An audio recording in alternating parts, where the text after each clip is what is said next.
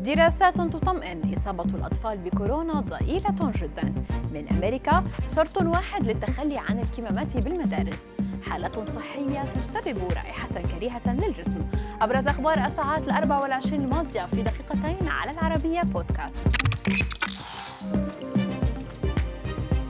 بعد تسجيل بعض حالات الوفاة من الأطفال بفيروس كورونا دراسات حديثة من المملكة المتحدة. ربما تدخل الطمأنينة مجددا للعائلات القلقة على أطفالها.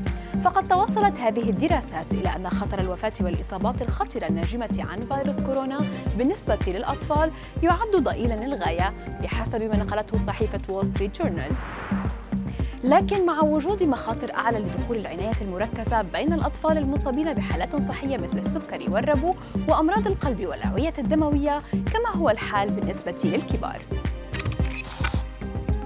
أفادت مراكز السيطرة على الأمراض والوقاية منها في الولايات المتحدة بأن المعلمين والطلاب والموظفين الذين تم تطعيمهم بالكامل يمكنهم العودة إلى المدارس دون ارتداء الأقنعة. وأضافت أن الأشخاص الذين يبلغون من العمر عامين فما فوق وغير محصنين من الوباء فعليهم ارتداء الأقنعة في المدرسة خاصة في الأماكن المغلقة والمزدحمة. بينما يجب على الطلاب والمعلمين أيضا محاولة الحفاظ على مسافة ثلاثة أقدام على الأقل من أجل تقليل انتقال العدوى.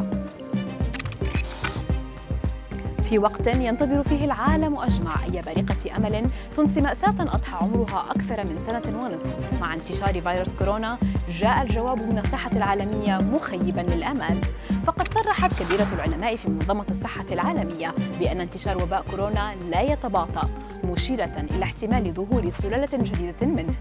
وأضافت أنه من المبكر جدا الحديث عن انتهاء جائحة كورونا خاصة في ظل ارتفاع نسب الإصابات المسجلة عالميا بمتحور دلتا.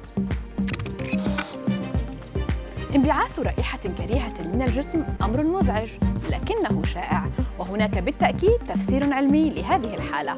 وقد كشف تقرير طبي نشره موقع Only My Health وجود عدة حالات صحية شائعة تسبب هذه الرائحة منها فرط التعرق.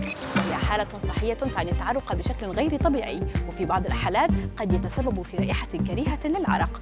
فرط نشاط الغدة الدرقية مرض السكري. فالمصابين به معرضون لانبعاث رائحة كريهة من أجسامهم حيث تعد من إحدى المضاعفات الطبية للمرض اضطرابات التمثيل الغذائي.